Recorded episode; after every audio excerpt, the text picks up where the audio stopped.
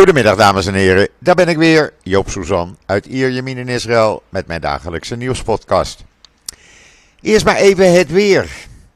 Ja, ik heb weer alles openstaan, want het is 29 graden, het is een blauwe lucht en er is zon en een klein briesje. Maar vanmorgen om 20 minuten over 7 gebeurde het ondenkbare. Bij mij regende het 10 minuten lang regen. Je gelooft het niet, maar het is echt waar. Dit is nog nooit gebeurd. Althans, zover men zich kan herinneren. Nou is dat niet zo erg, maar ja, eh, in die regen zat ook zand.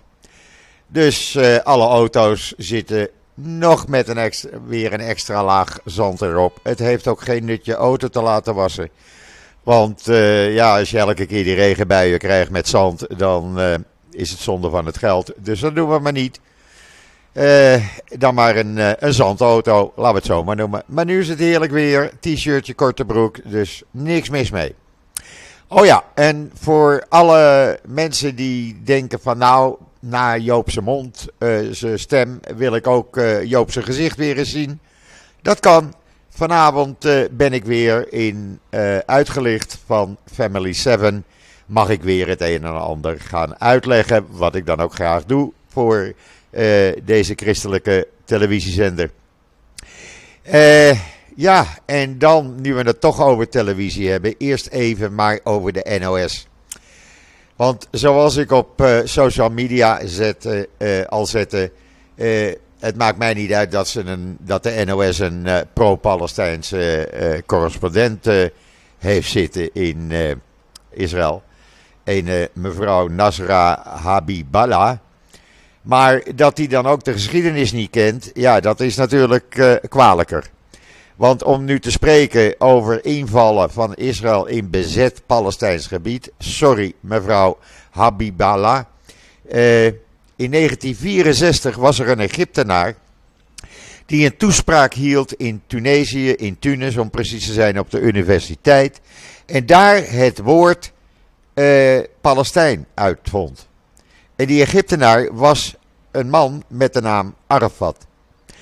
Zo zit de geschiedenis in elkaar. Uh, en wil je nog verder de geschiedenis in, dan, kan, dan moet je even kijken in uh, de Israëlische geschiedenis. Het is namelijk zo dat wat nu de Westbank of Westelijke Jordaanoever wordt genoemd, in 1947 door de Verenigde Naties was toegewezen als zijnde behorende bij Israël. In 1948, tijdens de onafhankelijkheidsoorlog, uh, vonden de Arabische landen het nodig om het weer uh, terug te nemen en aan Jordanië te geven, wat toen werd opgericht. Uh, in 1967 heeft Israël het terugveroverd, om het zo maar eens te noemen. Maar goed, dat is een hele eigen geschiedenis gaan leiden. En de NOS vindt het dus prachtig om te spreken over bezet Palestijns gebied en vluchtelingenkamp Jenin. Nou, meneer en mevrouw van de NOS, Jenin is een stad met ik weet niet hoeveel honderdduizend uh, inwoners. Uh, er is niks vluchteling bij daar. Dus uh, blijf even bij je les. En nu we het toch over Janine hebben. Ik heb gisteravond nog een uh, persbericht van de NOS erop gezet. Want ja, wat gebeurde er nu precies? Nou, heel in het kort was het zo. men wilde twee terroristen oppakken. Dat waren een vader, een leider van de Hamas met zijn zoon. Maar er waren allerlei bermbommen geplaatst. En die gingen af op het moment dat Israëlische voertuigen, panzervoertuigen, langsreden. Toen begon het uh, gedonder, letterlijk en figuurlijk, werd er uh, met explosieven gegooid, er werd over en weer geschoten. En dat heeft de hele dag geduurd. Er zijn uh, zeven Palestijnen, of zeven soldaten en een hond gewond geraakt, daar kom ik zo op terug. Die zijn eh, voor behandeling naar het ziekenhuis gebracht. En volgens de Palestijnse media, want je krijgt daar geen bevestiging van, zouden er vijf Palestijnen zijn gedood. Tijdens de gevechten. Die zijn niet zomaar in het wilde weg gedood. Je kan ook zien, een video op Israël Nieuws, dat er vanuit een moskee wordt geschoten op Israëlische helikopters. Jawel, daar is een moskee voor.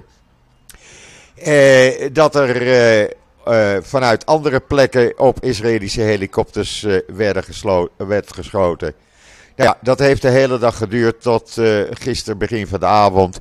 Toen ontving ik het persbericht en heb ik dat met video's en al op Israël Nieuws gezet. Waar ik ook op heb gezet dat Django de hond in hetzelfde Rambam ziekenhuis wordt behandeld als zijn begeleider die licht gewond is. Rambam, of Django, Dago de hond, die bleek uiteindelijk wat inwendige bloedingen te hebben.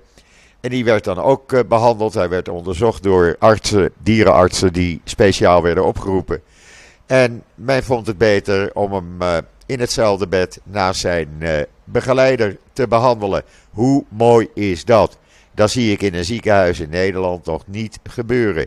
Er zijn scans gemaakt van hem. Dat kan je ook zien in dat artikel in Israël Nieuws.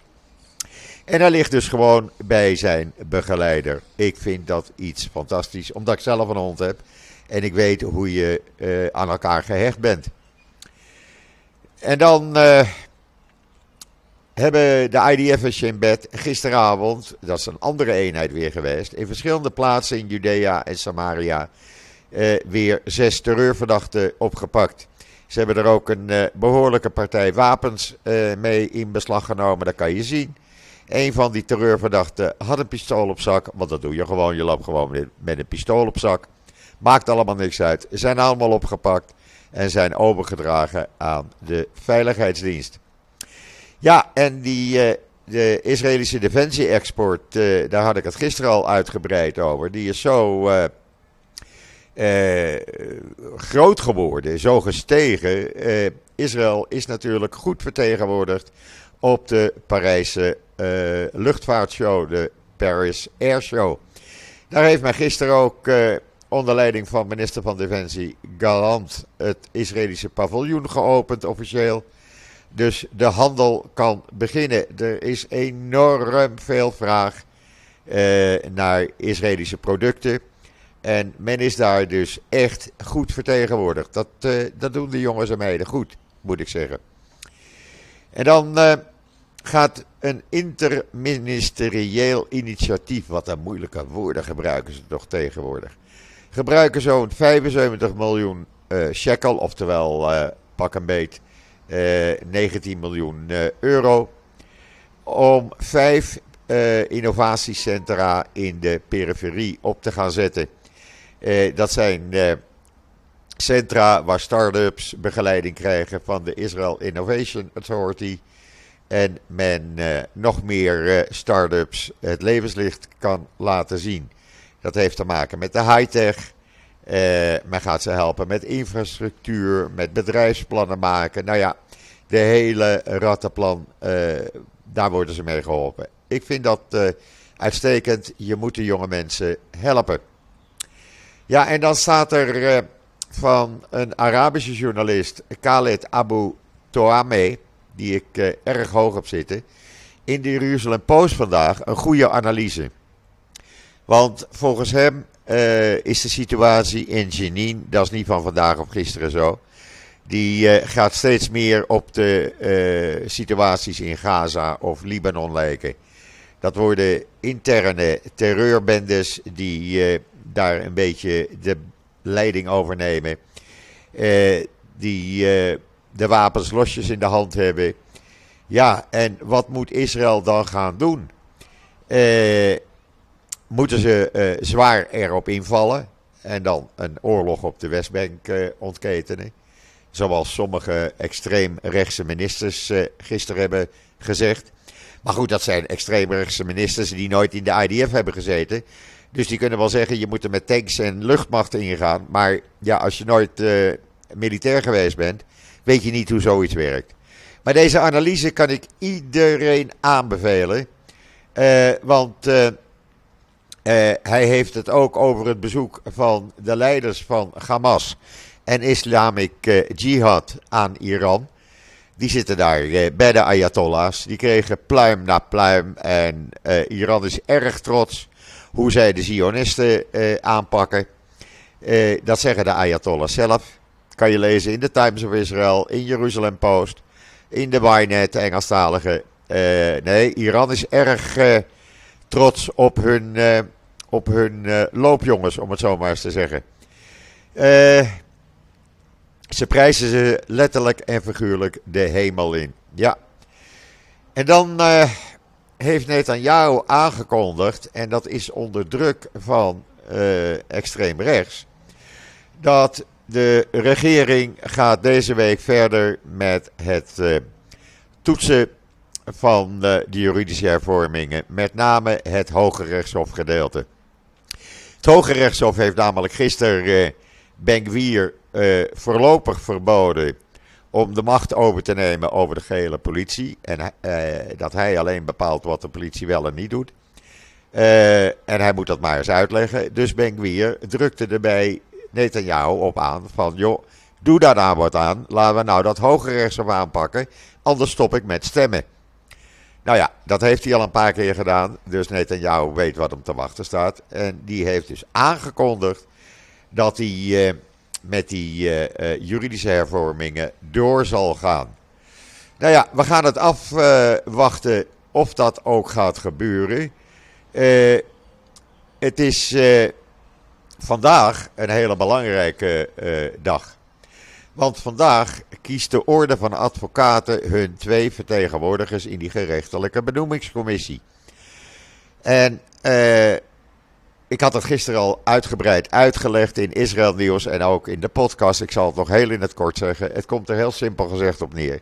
Die commissie die de rechters voor het Hoge Rechtshof benoemt, bestaat uit negen mensen. Dat zijn twee ministers, twee vertegenwoordigers uit de Knesset, uh, twee vertegenwoordigers van de bar, uh, van de orde van advocaten.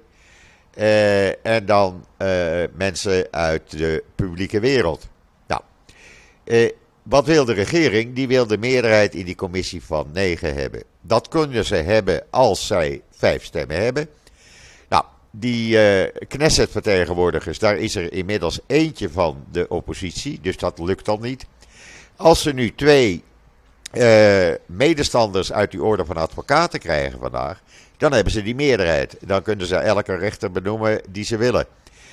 Is er eentje uh, fan van uh, de demonstranten, ja, dan hebben ze die meerderheid niet. En dan hebben ze er een extra probleem bij. En hoe ze dat dan gaan oplossen, ik denk dat er dan gewoon uit de losse hand, zonder commissie, rechters worden benoemd. Maar goed, dat weten we na vandaag. Eh, dat is dus een hele belangrijke dag. Het zijn in totaal 77.201 advocaten die naar de 171 stembureaus in 67 plaatsen in Israël gaan vandaag. Dus voordat dat bekend is, ja, ik denk uh, laat in de avond of zo. Maar goed, heel spannend. Inmiddels heeft de extreemrechtse meneer Smotterich, u weet wel, de man die uh, uh, uh, activist was voor de kolonisten of settlers. de extreemrechtse minister van Financiën Smotrich heeft gezegd dat de 100% linkse president Herzog niet kan dienen als bemiddelaar om tot overeenstemming te komen voor de juridische hervormingen tussen oppositie en coalitie. Hij is namelijk 100% aan de linkse kant, zegt meneer Smotrich. Ik weet niet waar hij dat vandaan haalt, maar goed, eh, als hij dat vindt, dan heeft hij weer een knuppel in het hoenderhok gegooid en dan zal hij weer geen vrienden mee maken. Uh, dit soort dingen, het staat uitgebreid in de uh, Times of Israel, trouwens alle kranten. Dat kan je gewoon niet doen. Deze man is niet geschikt, die Smotrich, om ook maar in de politiek aanwezig te zijn. Maar goed, hij is minister geworden. Netanyahu zit ermee opgeschreven. Uh, we kunnen nog veel meer van hem verwachten. Samen met zijn vriendje Ben Gwier. En dan de ultra-orthodoxe uh, partij United uh, Torah Judaism, die heeft afgekeken van Ben Gwier. Want die hebben vandaag gedreigd. In alle kranten staat het. Uh, Netanyahu, als dat budget niet onmiddellijk wordt overgemaakt naar het ministerie van Jeruzalemzaken en Joodse traditie, dan stoppen wij met stemmen met de regering. Is namelijk een heel belangrijk uh, ministerie, blijkt. Ik heb er nog nooit van gehoord, maar goed.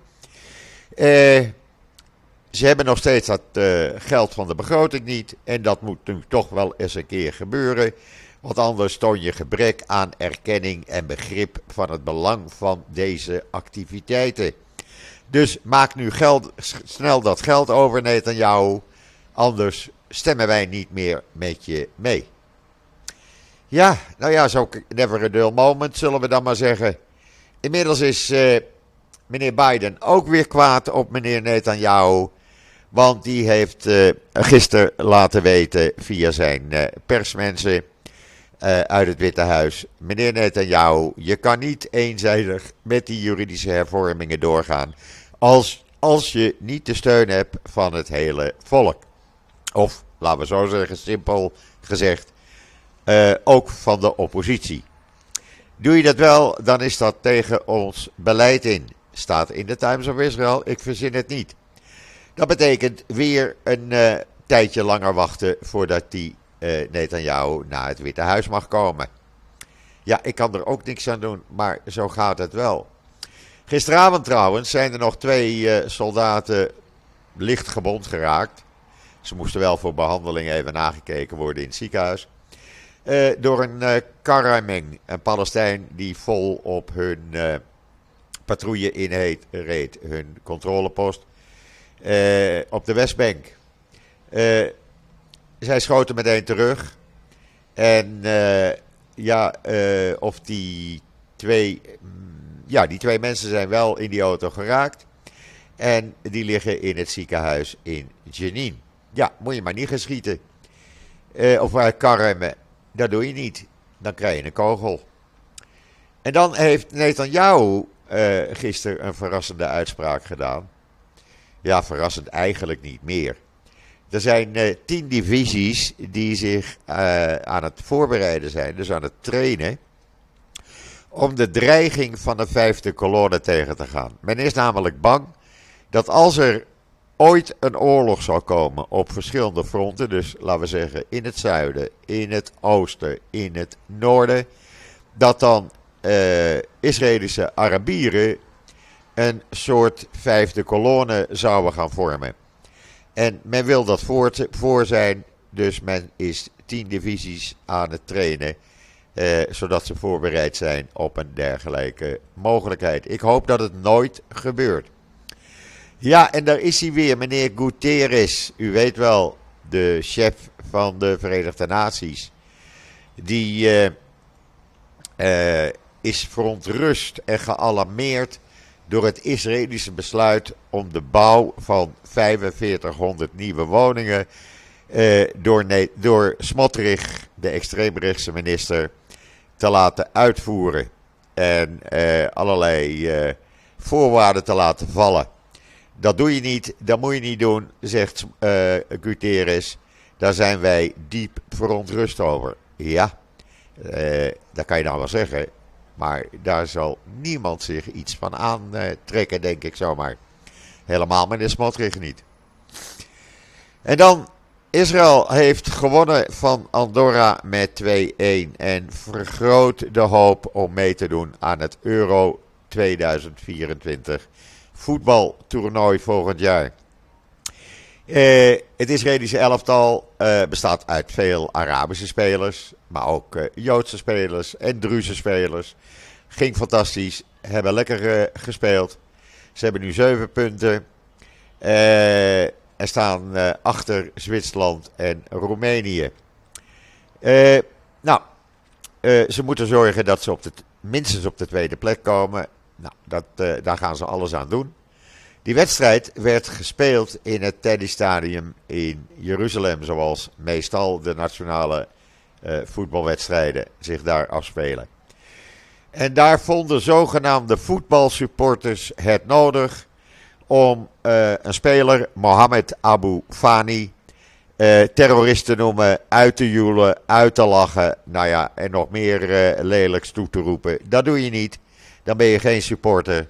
En de Israëlische voetbalbond gaat zeer waarschijnlijk besluiten om geen voetbalwedstrijden van het nationale team meer in Jeruzalem te laten spelen. Die kunnen ook in Netanya, waar een mooi stadion is, en in het Bloembergstadion in Tel Aviv of in Haifa of in Beersheba gespeeld worden. Maar niet meer bij uh, leden van Familia, de zogenaamde supportersclub van Betar Jerusalem. Ik uh, vind dat iets vreselijks. En dan heeft de FBI een man opgepakt die van plan was een synagoge in Michigan uh, aan te vallen. Ze hebben allerlei documenten gevonden bij hem. En hij was al ver gevorderd met zijn plannen om uh, de East Lansing synagoge aan te gaan vallen. En daar een schietpartij aan te richten. Maar goed dat hij gepakt is. Uh, ja, en dan de First Lady van Oekraïne is hier. mevrouw Olena Zelensky. En die, die heeft het heel gezellig natuurlijk met mevrouw Herzog en met andere Israëli's. en zij hoopt van harte dat de banden tussen Israël en Oekraïne, tussen, op medisch gebied, nog groter en strakker worden dan ze al zijn. En dan hoort u op de achtergrond al dat getoeter, dan zal ik u gelijk zeggen wat dit is. Dit zijn uh, scholieren die in versierde auto's door de straten rijden. In heel Israël hoor, niet alleen hier in Hier Yamin. Die zijn geslaagd. Die hebben de middelbare school afgemaakt. Voordat ze de dienst in moeten, gaan ze eerst nog even feestvieren. er is om 12 uur onze tijd. Begint een grote beachparty hier op het strand. Daar kan je maar beter niet bij wezen als je geen scholier bent. En rijdt met nu toeterend uh, uh, door de straten van Ir Yamin. Dan weten jullie dat ook. Het is altijd een leuk gezicht. Al die versierde auto's. De meeste zijn 18 jaar. Dus ze mogen zelf al rijden. Uh, en ja, daar wordt geen enkele verkeersregel wordt er aangehouden. Dus je kan maar beter even wachten. Ben je met je auto onderweg? Ga dan maar even aan de kant. Elk jaar weer heel gezellig. Wat ook heel gezellig is, Sheba Medical Center uit Israël heeft een strategisch partnership ondertekend met Pure Health uit de Verenigde Arabische Emiraten. Dat is het grootste gezondheidsplatform in het Midden-Oosten. Hoe mooi is dat? Kan je lezen in Times of Israel. En dan een, uh, een bank, een Israëlische bank, die weliswaar in Amerika gebaseerd werkt. de IDB Bank uit Amerika, maar van oorsprong Israëlisch. Die heeft een fonds opgezet voor een project te financieren om veteranen van de IDF met PTSD, posttraumatische stressdisorder, te gaan helpen. Hoe mooi is dat? Daar komen miljoenen in. Ze willen er ook anderen bij halen. Ik vind dat iets fantastisch. Je moet deze jongens en meiden helpen. Voluit. En dan, uh, ja, ook wat leuk nieuws. Gisteren, twee Israëlische zusters, of zusjes, die kwamen waarschijnlijk op hetzelfde moment, waren, waren ze zwanger. Die hebben binnen vier uur in hetzelfde ziekenhuis aan drie baby's uh, het levenslicht laten zien. Leuk hè, staat in de Engelstalige Wynet. Uh, eentje kreeg een tweeling, eentje kreeg er één. Uh, de ene zuster is 34 jaar, de andere 36 jaar. Nou, is toch enig, zitten ze naast elkaar op die foto in de Engelstalige Wynet met hun baby's. Kunnen ze ook samen de kinderen opvoeren. Leuk nieuws is ook wel eens goed. En als je echt ervan houdt, eh, maar de kaartjes zijn denk ik al uitverkocht. De Golden Gate Quartet komt volgende week twee dagen optreden in Israël. Jawel, in het Opera House in Tel Aviv. Dat wordt uh, grooving, dat wordt uh, clapping, dat wordt uh, meetappen, meedansen. En dan zou je zeggen, ja, maar dat is toch al heel oud. Ja, het kwartet bestaat al langer als de zangers die daarin meedoen, die vier. Die zijn allemaal rond de 70. Uh, maar het is toch enig dat deze in Israël komen optreden twee dagen. En dat iedereen mee kan genieten met de Golden Gate Quartet. Goed, nogmaals, vanavond mag ik mijn gezicht weer laten zien op Family 7 uh, in het programma Uitgelicht. Ik geloof dat dat om half negen Nederlandse tijd is. Dan ga ik weer het een en ander uitleggen, want ze komen er in Nederland ook niet meer uit. Uh, dus dat uh, mag Joop dan weer doen. En voor de rest blijf ik jullie op de hoogte houden wat er gaat gebeuren met de orde van advocaten vandaag. Want dat zijn toch wel belangrijke punten. En uh, wens ik iedereen nog een hele fijne voortzetting van deze dinsdag, de 20 juni.